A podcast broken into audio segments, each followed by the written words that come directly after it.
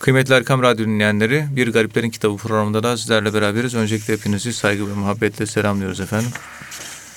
Efendim bu programda muhterem hocamız bize inşallah Bişri Hafi Hazretleri'nin hayatından, menakıbından bahsedecekler.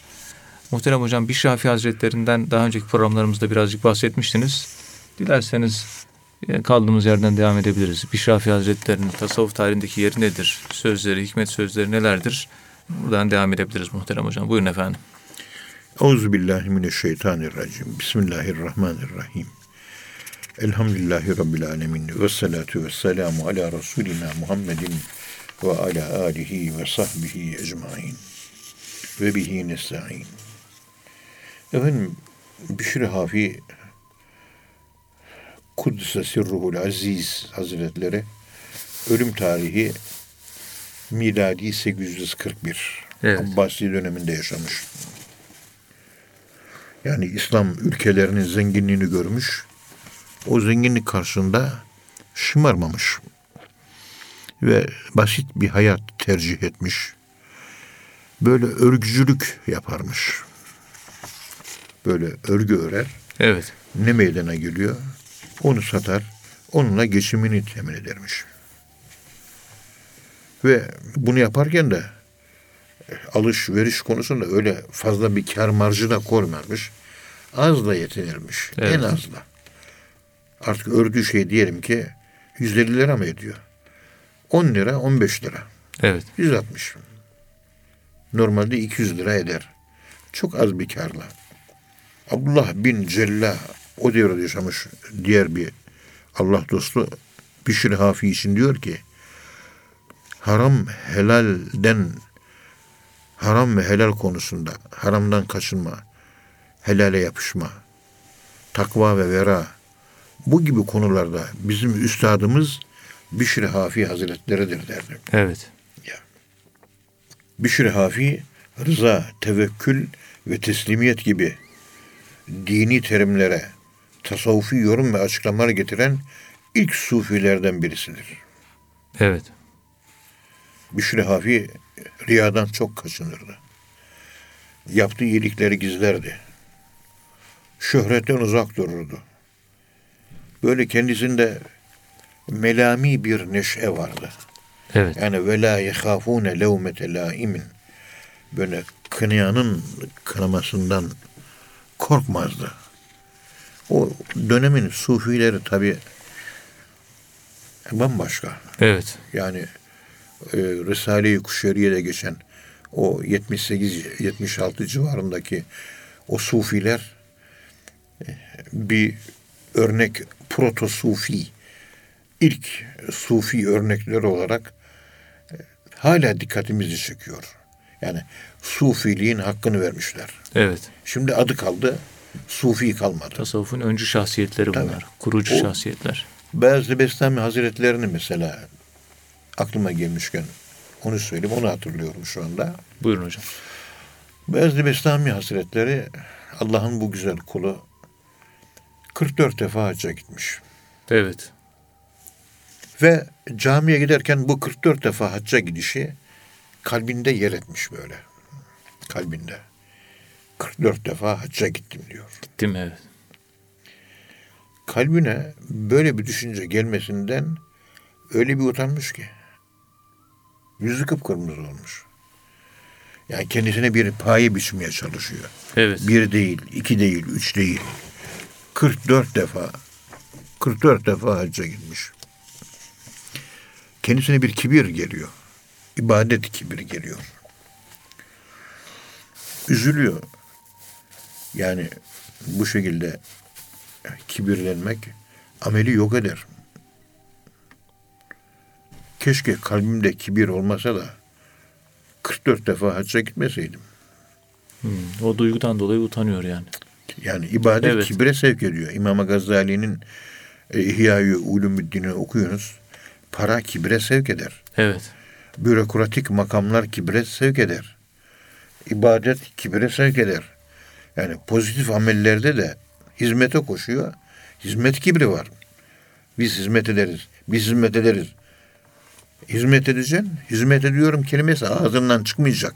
Evet.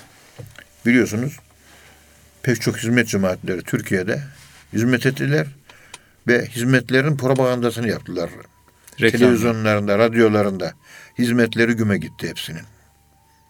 Çünkü riya ile gösteriş ile amel yaparsanız Allahü Teala o amelleri iptal eder.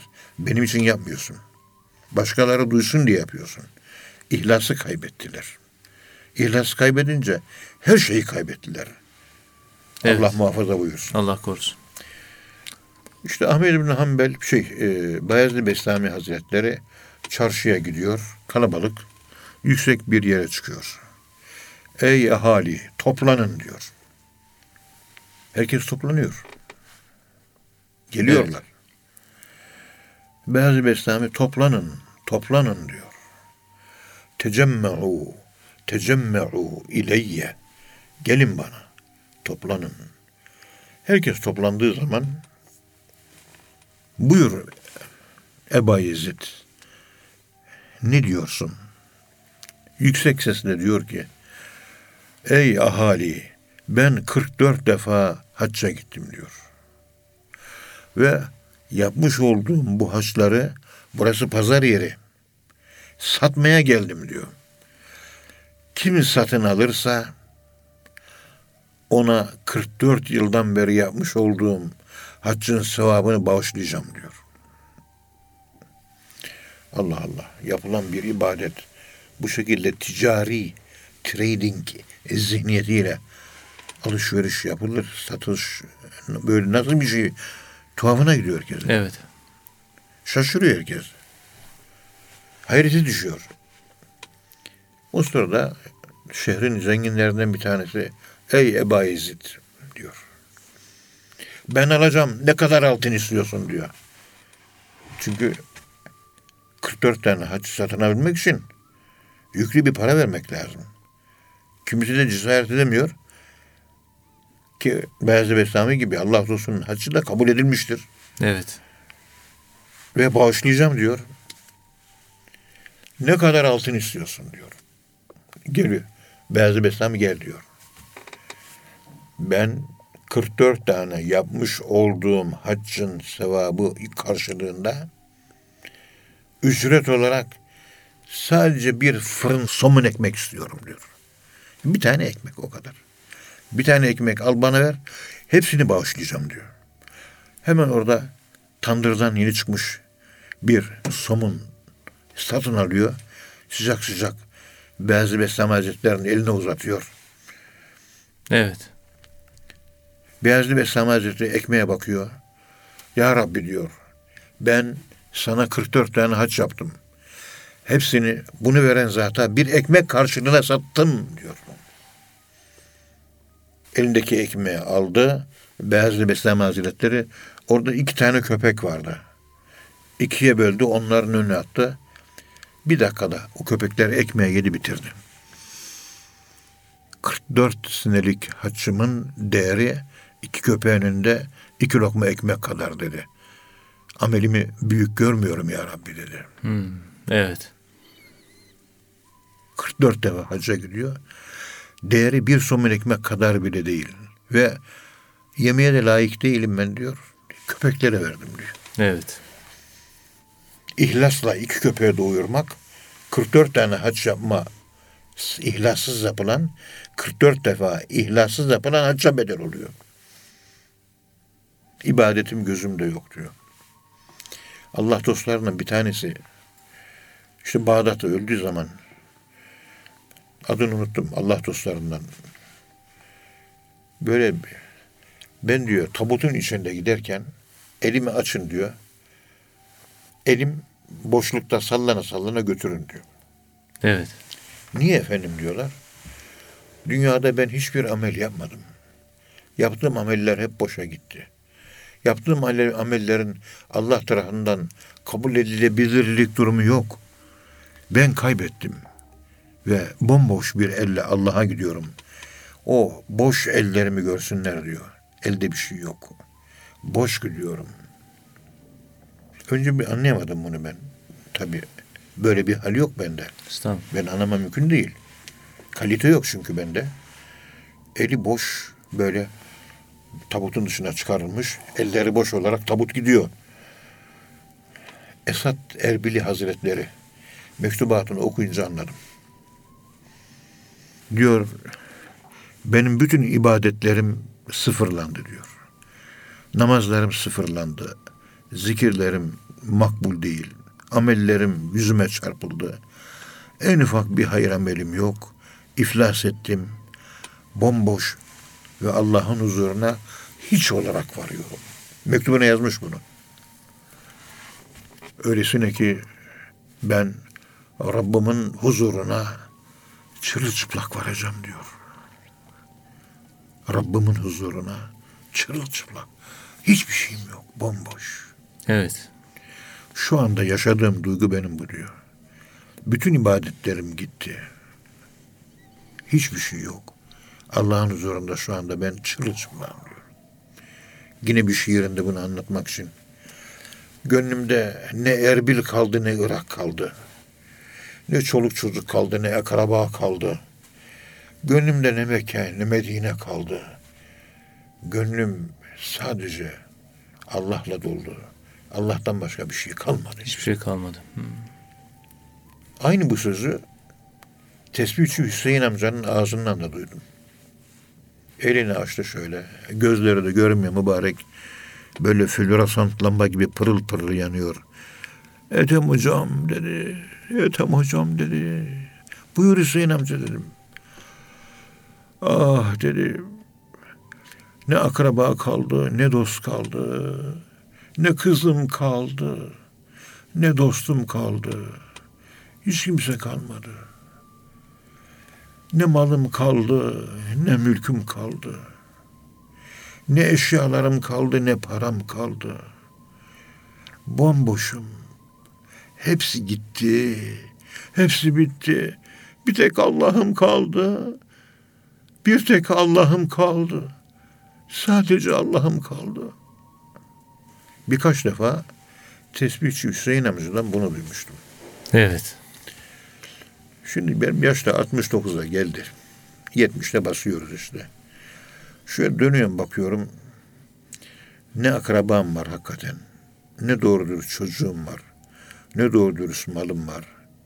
Ne doğru dürüst varlığım var. Yani ne doğru dürüst ibadet var, taat var. Ne doğru dürüst dua, ibadet, oruç, zikir, tefekkür, sohbetler yapıyoruz. Acaba Allah bunları kabul etti mi? acaba? Yani Allah bunları kabul etti mi? Bilemiyorum. Allah kabul etti mi? Yani söyleyecek bir şey yok. Evet. İşte Bişir Afi zaten ayağı çıplak dolaşıyor. Yokluk ve hiçlik anlamına geliyor. Yani sağ ayakkabı dünya, sol ayakkabı ahiret. Hz. Musa Aleyhisselam'a Cenab-ı Allah fahlan aleyk inneke bil vadil mukaddesi tuva kutsal Tuva vadisindesin. Burada kalpte sadece Allah olacak. Dünya arzularını bırak. Cehennet, cehennem kaygısı ve cennet arzusu. Onu da bırak diyor. Onu da bırak. Biri sağ ayakkabı, öbürü sol ayakkabı. Evet. Çünkü ayakkabıyla dünyayı geziyorsun. Çoluğuna çocuğuna güvenme Vahidciğim. Hanımına güvenme. Evet. Hiçbirimiz. Çünkü me- mezara girdiğimiz zaman bize bir tek fayda verecek bir tek şey var. Allah'la olan münasebetlerimizi ne kadar doğrultursak mezarda o kadar rahat edeceğiz. Acaba Allah'la aramız doğru mu? Doğruysa kabirden korkma. O zaman Allah dersine iyi çalışalım. Evet. Ne hanım kurtaracak bizi, ne şu ne bu. Ankara'da o yuvalı Hatip Hoca vardı. Rabbani bir alimdi. O öldükten kısa bir süre sonra adını duydum. İmam Hatip Okulu 13-14 yaşındaydım. Yuvalı Hatip Hoca, yuvalı dört mezhepten fetva verirdi. Evet. Dursun Aksoy amcanın hatırasını yazdım ya. Evet. Bu anlattığım Dursun Aksoy amcanın hatıratı da var. Ve o anlattı ve kitaba da koydum. Evet. Rıza Çöllüoğlu hocadan duymuş. O şekilde.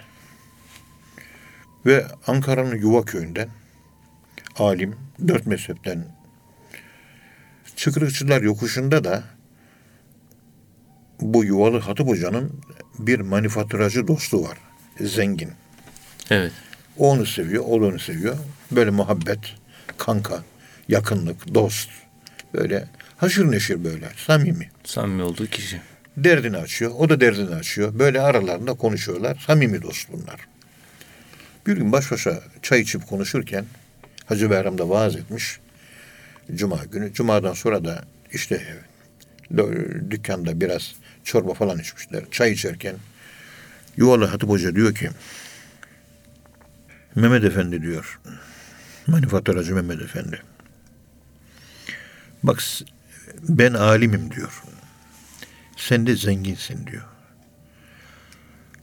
Kesinlikle eminim diyor. Kesin olarak eminim. Öldükten sonra mezarda ben bu ilmin faydasını görmeyeceğim diyor. Allah Allah. İlim bir yere kadar. Evet. Bir yerden sonra içi boş. Bu senin zenginliğinin de sana faydası olmayacak diyor. Manifaturacı Mehmet Efendi diyor ki ne yapalım diyor. Ya Eskişehir, Emirdağ işte orada sürgün Bediüzzaman Said Nursi Hazretleri. Hadi ona gidelim diyor. Evet. Kalkıp gidiyorlar. Bediüzzaman Hazretleri o zaman sürgünde, Emirdağ sürgününde görüşüyorlar. Diyorlar ki efendim bizim durumumuz bu. Bir ahiretle ilgili yatırım yapmak istiyoruz. Bir muhterem şeyh efendi bulup ders almak istiyoruz. Tabi Yuvalı Hatip Hoca alim. Bediüzzaman Hazretleri de alim. Aralarında Şimdi bu şekilde dertleşiyorlar. Bediüzzaman Hazretleri diyor ki ben şeyh değilim mücahidim diyor.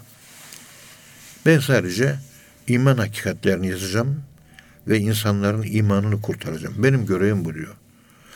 Şeyh İstanbul'da Sami Efendi diye bir zat var. Ramazanoğlu Sami Efendi. Evet. Gidin dersi ondan alın diyor. Yani zamanımız tasavvuf zamanı değil demiyor. O yalanı çok uyduruyorlar. Zamanımız esas tasavvuf zamanı. Allah Allah zikri çekilmeden iman korunmaz bu devirde. Evet. Her şey imanımızı götürüyor. Neyse Bediüzzaman böyle söyleyince gidiyorlar Sami Efendi Hazretleri'nin yanına. Durumu anlatıyorlar. Olur diyor. Sami Efendi Hazretleri ikisine de ders veriyor. Sami Hazretleri hiçbir müridine bana ra- rabıta yapınız dememiştir. Orada görevli kardeş var diyor. O görevli kardeş size rabıtayı tarif etsin diyor. Mustafa Erbil amcayı tarif ediyor. Milli Emlak'ta çalışıyor diyor. Evet. Ankara'ya geliyorlar. Hiç eve gitmeden milli, milli emlaka varıyorlar. Mustafa Erbil. İşte. Doktor Doğukan'ın dedesi. Evet. Selman de. Evet Selman Doğukan dedesi. Bakıyorlar ki tanıdık adam. Yani Manifatları Mehmet Efendi de tanıyor. E, şey de tanıyor. E, Yuvalı Hatip Hoca da tanıyor. Aa, kucaklaşıyorlar. Cemaati ön safta oturan hep gözün içine bakan muhterem bir zat. Ya böyle böyle oldu. Rabıtayı sen tahrir edecekmişsin. O da estağfurullah biz cahiliz efendim biz alim yok diyor. Sami Efendi böyle söyledi diyor. Öyle söyleyince orada tarif ediyorlar. Evet.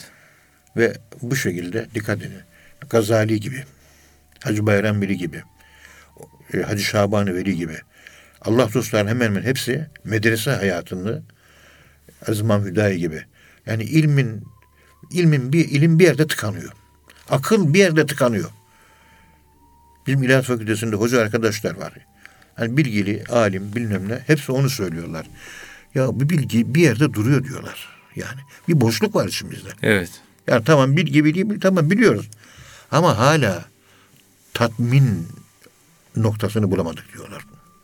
Arkadaşlarımız da bunu söylüyor. Allah başka bir şey yok. Evet. Tasavvufta bu. Allah eğitimi. Evet hocam. Özeti bunun bundan ibaret. Allah razı olsun hocam. Efendim Bişri Hafi Hazretleri ona göre üç çeşit derviş vardır. Evet. Birinci grup dervişler kimseden hiçbir şey istemez. Kimseye el açmaz. Kimseye gitmez. Bunlara ruhani adı verilir. Evet. İkinci grup. Onlar da bir şey istemez. Fakat verildiğinde kabul eder. Hmm. Bunlar mutavassıt dervişlerdir. Bu gibi dervişler Allah'a tevekkül eder, kalbi huzura erer. Son grup dervişler ibadetle meşgul olur. Rızkını Allah'tan bekler ve arzularını yenmeye çalışırlar. İşte bu üçü de derece olarak birbirinden farklıdır. Cömertlik de kişinin gönül hayatı açısından önemli ahlaki bir esastır. Dini konularda laubali bir cömerti, cimri sufiye tercih eden ve cimriye bakmanın kalbe kasvet ve ağırlık verdiğini söyleyen Bişir isabet etmiştir. Evet. Yani bir derviş var ama derviş cimri, eli sıkı. Ama derviş değil adam ama çok cömert. Veriyor, veriyor, veriyor, veriyor. Aklıma hep Beypazarı'nda 1966-67'li yıllarda zengin bir iş adamı vardı. Avcı Osman diye. Evet. Böyle Ankara Hatip Okulu'nda okuyan bizler. Mesela İbrahim Kafi Dönmez. Marmara İlahiyat'ın dekanıydı eskiden. O da vardı. Pek çok arkadaşlarımız vardı. Tatbikat için Beypazarı'na gittik. Orada vaazlar verdik. Ondan sonra namazlar kıldırdık. namaz kıldırma. Evet. Uygulama yaptık Uygulama, yani oralarda. Avcı Osman böyle derviş değil adam. Ama Beypazarı'nın en cömert adamı oymuş. Evet. Beypazarı'nın en cömert adamı. Dikkat edin. Lokantaya bir girdik. Böyle şey sahur vaktinde. Sahurdu. Evet. Vaktin çıkmasına bir buçuk saat var. Avcı Osman dedi ki şey serbest dedi. İstediğiniz yiyeceği yiyin dedi. Serbest. Herkes istediği kadar yedi. Hayatımda böyle doya doya gönlüm huzurlu bir şekilde o cömert insanın e, yapmış olduğu ikramı yemekten duyduğum mutluluk kadar hiçbir şeyden mutluluk duymadım. Cömertin yemeğe şifa olur. Evet. Cimrinin yemeğini yerseniz insana hastalık Ha- geliyor. Hasta, hasta eder. Allah muhafaza buyursun. Allah muhafaza buyursun. Hiç kimseden hiçbir şeyi istememek demek kişilikte mükemmelliğin zirvesini yaşamak anlamına gelir. Evet. Ve bu grup kendileri bir şey istemez kimseden. Peygamberimizin bir ahlakı vardı ya hani devesinin üzerinde otururdu. Kırbacı düşerdi. Şunu bana verin demezdi. Deveyi ıhtırırdı. Diç çöktürürdü. Üzerinden de inerdi. İndikten sonra o kırbacı alır tekrar binerdi. Bana verin diye kimseden yardım istemezdi. Bu çok yukarı mukarrebun evliyalarının, sıddikun denilen evliyanın gözünde başkasından yardım istemek. Mesela takkem ver yok, takkem yok, bana takkeni ver. Bir talep değil mi? Bu dahi şirki hafinin çeşitlerindendir. Şapkayı evde unuttum, takkem yok, camiye geldim. Başa çıkın ne yapalım? Yok. Evet. Tut elimden. Yok. En yukarıda zümrüde anka kuşu gibi en zirvede olanlar, en tepede olanlar. Daha yukarısı yok. İşte peygamberimizin bu ahlakı bizim tasavvuf erbabında sembol davranış değeri olmuştur. Bu sembol sembol davranış bu. Peygamberimiz sallallahu aleyhi ve sellem Efendimiz aç kalırdı. Bana verin demezdi. Gelirse hediye ihtiyacı kadar az bir şey yer bırakırdı. Ve Peygamberimizin az yemek yemesinin arka planında pek çok hikmetler var. Hep anlatılıyor biliyorsunuz. Bir hikmeti ey yemek önümdesin. Çok miktarda var. Peygamberimiz 3-5 tane alıyor. Bir avuç kadar yiyor. Başka yemiyor. Daha aç. Doyurmuyor. Peygamberimizin açlığı yemeğe muhtaç değil. yemeğe bile ihtiyaçsızlık gösteriyor. Şöyle belini doğrultacak kadar. Yemeğin ölçüsü bu. Belini doğrultacak kadar. Ölmeyecek kadar ya. Aynen öyle. Evet. Bizim bu bazı derviş arkadaşlar görüyorum. Şöyle vahiyçiyim. Böyle cezbeli hakikaten. Muhabbetli. Hocam diye bağırıyor. Yandım Allah'ım diyor. İşte muhabbet diyor. Bakıyorsun her tarafından ateşler çıkıyor. Evet. O kadar böyle muazzam bir şey. Bu gibi cerbezeli dervişleri böyle oruç tutturup sahurda da iki üç bardak suyla iktifa etmek akşamleyin de iki kap dayanabilirse bir kap 24 saatte iki kap yemek yiyecek. Evet. Sahurda da dört bardak su içecek.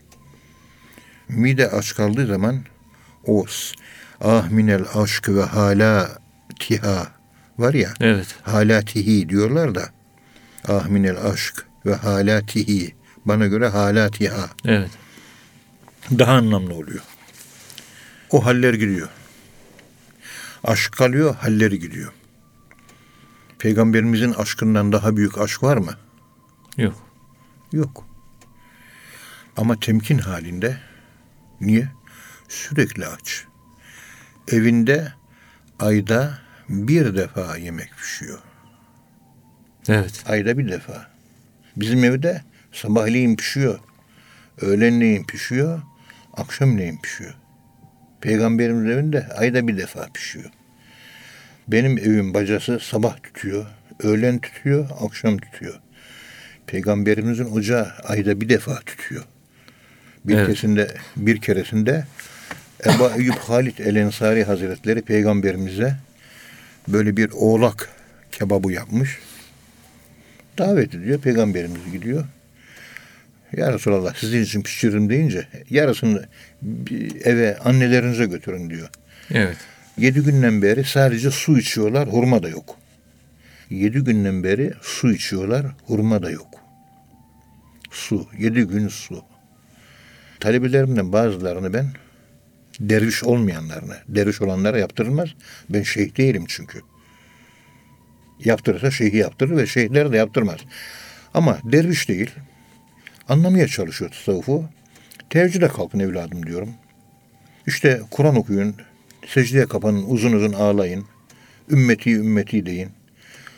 Yaptırdığım uygulamalardan bir tanesi de bugün yemeğini yedin, sabah kahvaltısını yaptın. Ertesi gün sabah namazına kadar yiyecek olarak sadece su içeceksin. Evet. Su içiyor. Ondan sonra dayanıklı hale geliyor 24 saat. Sadece suyla idare ediyor. Bir hafta sonra diyorum ki 36 saat süreyle bir şey yeme. Yemeği yedin 36 saat yeme ama su serbest. İki günlük su içme şeklinde bir uygulama yaptırıyorum. Derviş olmayan talebelere. Yani riyazeti anlamaları için, tasavvufun bir yönünü anlamaları için yemekten uzak kalmak. O sallanmaları, hezeyanları, savrulmaları hemen ortaya geliyor. Hemen dengeye geliyor. Evet. Derviş olmadıkları için sadece bilgi olarak öğrensinler diye. Zifiri karanlıkta az bir ışık olacak böyle referans ışığı. Gece lambası ama çok az bir şey ama o da karanlık. Zifiri karanlıkta bir sekiz rekat teheccüd namazı kıl. Kılarken de Yasin-i Şerif oku. Her on ayette bir rüküya var. Yani Yasin'in ilk on ayeti rüküya var. İkinci rekatta ikinci on ayeti oku rüküya var. Ve savan aleyhim enze emlem tunzurum la yu'minun. Şey on oldu. Hemen rükû. İkinci rekata kalktım. Şeye geldi. İttebiyu mella. Oraya geldi. Oh. Karanlıkta kılıyorsun. Tamam bitti. İkinci günde teheccüd namazını evin yüz ampullük, yüz wattlık lambasını yak. O lambanın altında kıl. Kılıyor. Karanlıkta da kılıyor, aydınlıkta da. Karanlığı tanımış oluyor. O eski Yahudi ve Hristiyan alimleri yetlûne âyâtillâhi âna el-leyl. Gecenin karanlığında namaz kılarlar. Hakkı tanırlar. Secdeye Allah'ım diye kapanırlar, dua eder, hüngür hüngür ağlarlar. Karanlıkta ne oluyor acaba? Karanlığı tanıdıktan sonra o ayetin tefsirini okuyorlar. Daha iyi anlıyorlar. Evet. Yaşamaktan gelen bir tecrübe var. Hal var. O hali elde ettikten sonra, mahiyetini biraz tattıktan sonra gecenin karanlığında namaz kılmak ve ibadet etmek ne anlama geliyor? İşte bunu anlıyorlar. Bir tanesi vardı. Böyle çok şeydi kendisi. Nasıl tarif edeyim? Hocam bir enerji var atamıyorum derdi. Evet. Allah enerjisi. Hakikaten fazla feyiz geliyor. Feyiz fazla. Denge lazım. İşte salavat çeker herkes. Ben kendisine dedim ki iki gün 48 saat süreyle yemeğini ye 48 saat süreyle süt iç ve su iç. Su ve süt. Yani süt üzerinden gittim. Biliyorsun Peygamberimiz teheccüd namazına kalktığı zaman süt içerdi. Buna gabuki derlerdi. Kudüs'te miraca çıkmadan önce sevgili peygamberimize e, şarap ve süt ikram edildi. Peygamberimiz süt tercih etti. Geceliğin süt gerekiyor. Ateş var ya Allah zikrinden dolayı o fazla gelirse şayet bir tür konuşmalarda, davranışlarda, hallerde dengesizlikler yaşanıyor. Süt dengeye getiriyor. Ve o süt sulu olacak. Sek süt olmayacak. Saf süt olmayacak. Sulu süt. Sulu süt bir bardak içtin. 250 cc. Bir 250 cc yine sulu sulandırılmış süt içiyorsun. Ondan sonra teheccüd kıl. O kadar hafif oluyor ki. O kadar rahat oluyor Evet. ki. O kadar huzurlu oluyor ki.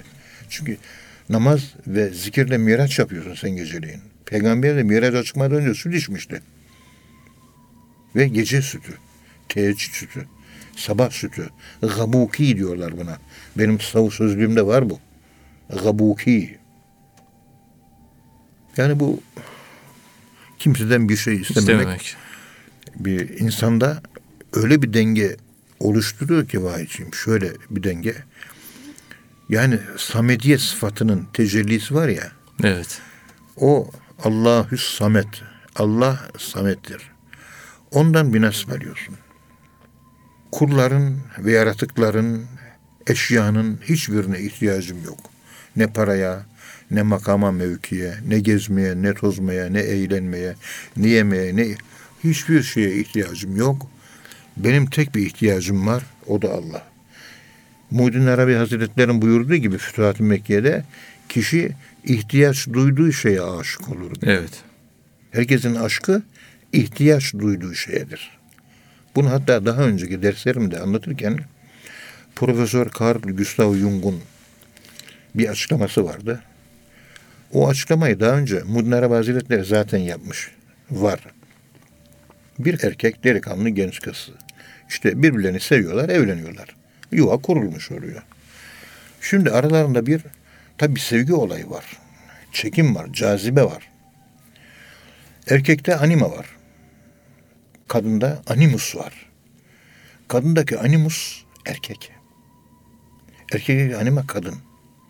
Erkek karşıdaki bayana, genç kıza aşık olduğu zaman aslında onda gördüğü kendisi. Aşık olduğu kıza değil, bayana değil.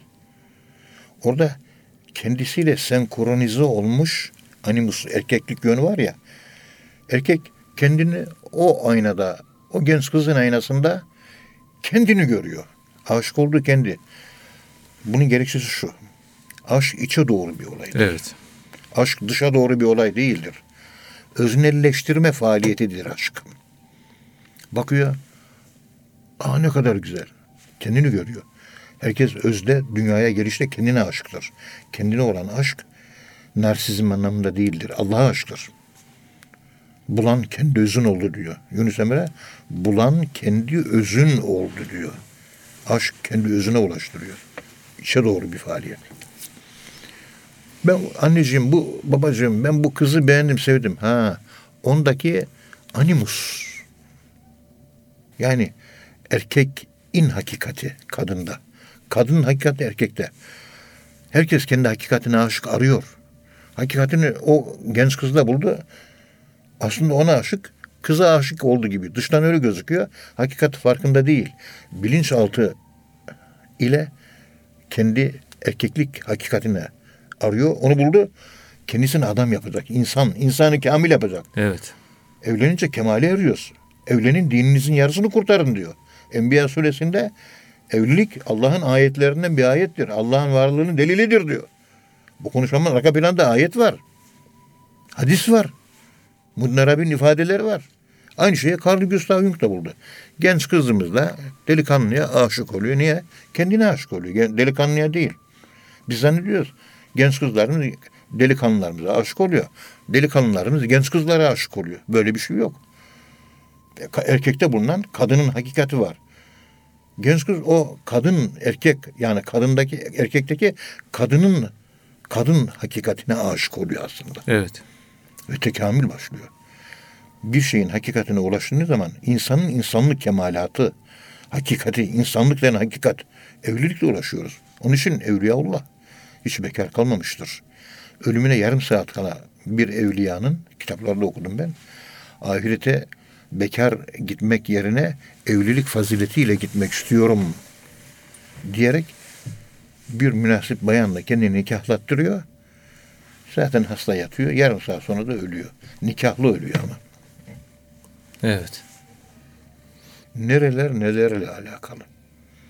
Burada e, Bişir Hafi'nin anlattığı şekilde birinci sınıf konsantre efendim söyleyeyim fazilet hiyerarşisinin en son zirvedeki piramidin en son taşı.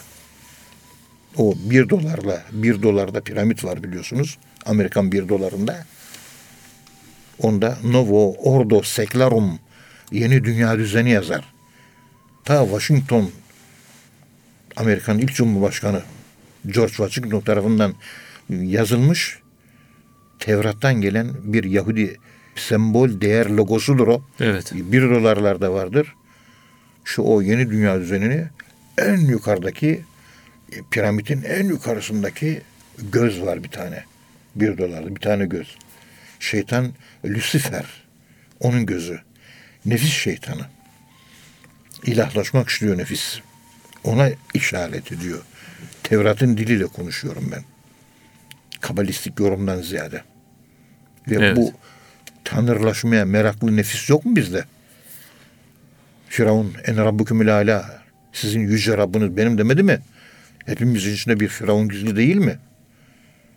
İşte bu şekilde bir kimse başkasından beklemek, başkasına göre yapılanmak yerine kendi özünden gelen bir yapılanmayla yapılanırsa tekamül eder, olgunlaşır. Evet hocam. Kimseden bir şey istemeyin. Eğer gelirse de reddetmeyin. Kendiliğinden gelirse. Al yavrucuğum şu 200 lira dört kişisiniz aranızda 50-50 dağıtın. İstediniz mi? İstemediniz. Nereden geldi? Kendiliğinden geldi. Gönderen Allah. Evet. Reddetmeyin. Bu birinci sınıf grup bu şekilde gelen yardımlar da istemiyor. Daha doğrusu o yardımların beklentisi de yok. Hiç kimseden bir şey istemiyor. İstemek istemediği gibi beklenti de yok. Beklenti de yok. Ama, İçinde beklenti de yok. evet. Ama böyle bir zata bir hediye verirseniz reddetmez. Sami Efendi Hazretleri böyleydi. Evet. Musa Efendimiz böyleydi. Osman Hocamız böyle. Evet. Bir beklentileri yok. Ama hediyeleri geldiği zaman sünnet alınacak. Sünnet. Evet. Ama ihtiyaçlıyım da alıyorum manasına değil. Çünkü gelen hediyeleri biz örneğini çok gördük. Hediye Ahmet gelir. Bir sonra gelen Mehmet'e o hediye devredilir. Evet. Almaz götürmez eve. Evet. Başkasına verir. Alır verir. Biz alırız veririz. Bir elimiz yukarıda, bir elimiz aşağıda. Gelen Allah'tan gelir, yeryüzündeki kullarına dağıtırız. Hesabına göredir bu. Hazreti İbrahim'in ahlakı. Peygamberimizin ahlakı. Büyük ahlak. Büyük veliler. Bunlara sıddık veliler adı verilir. Mukarrebun veliler adı verilir. Allahü Teala Hazretlerine çok büyük bir yakınlık içerisinde olanlar. İşte hiç kimseden bir şey istememenin mana arka planı bundan ibarettir. Ve Bişri Hafi Hazretleri kimseden bir şey istemezdi. Evet Allah razı olsun hocam. Kıymetli dinleyenler hocamıza çok teşekkür ediyoruz. Efendim bir program daha sonuna geldik. Bir sonraki programda tekrar buluşmak ümidiyle hepinizi Allah'a emanet ediyoruz. Hoşçakalın efendim.